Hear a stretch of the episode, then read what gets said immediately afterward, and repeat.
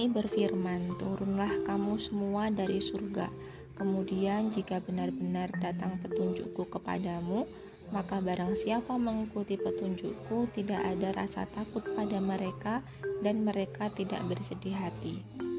Adapun orang-orang yang kafir dan mendustakan ayat-ayat kami, mereka itu penghuni neraka.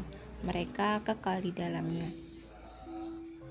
Wahai Bani Israel, ingatlah nikmatku yang telah aku berikan kepadamu dan penuhilah janjimu kepadaku. Niscaya aku penuhi janjiku kepadamu dan takutlah kepadaku saja.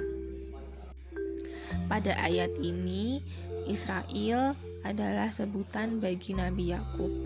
Bani Israel adalah keturunan Nabi Yakub dan sekarang dikenal dengan nama bangsa Yahudi. Di antara janji Bani Israel kepada Allah ialah hanya menyembah Allah, tidak mengadakan tandingan bagi Allah, serta beriman kepada Nabi Muhammad SAW sebagaimana yang tersebut di dalam kitab Taurat dan berimanlah kamu kepada apa Al-Quran yang telah aku turunkan yang membenarkan apa yang kitab Taurat ada padamu. Dan janganlah kamu menjadi orang yang pertama kafir kepadanya.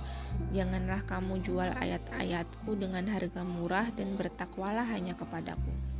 Dan janganlah kamu campur adukan kebenaran dengan kebatilan. Dan janganlah kamu sembunyikan kebenaran sedangkan kamu mengetahuinya Batil yang dimaksud pada ayat ini artinya kesalahan, kejahatan, kemungkaran, dan sebagainya. Dan laksanakanlah sholat, tunaikanlah zakat, dan rukuklah beserta orang yang ruku. Mengapa kamu menyuruh orang lain mengerjakan kebajikan sedangkan kamu melupakan dirimu sendiri, padahal kamu membaca kitab Taurat? Tidakkah kamu mengerti? Dan mohonlah pertolongan kepada Allah dengan sabar dan sholat dan sholat itu sungguh berat kecuali bagi orang-orang yang khusyuk yaitu mereka yang yakin bahwa mereka akan menemui Tuhannya dan bahwa mereka akan kembali kepadanya.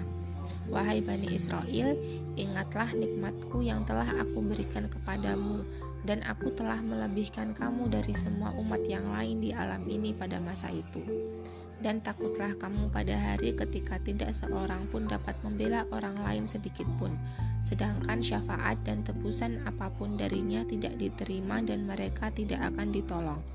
Syafaat adalah pertolongan yang diberikan oleh Rasul atau orang-orang tertentu untuk meringankan azab atau beban seseorang di akhirat atas izin Allah.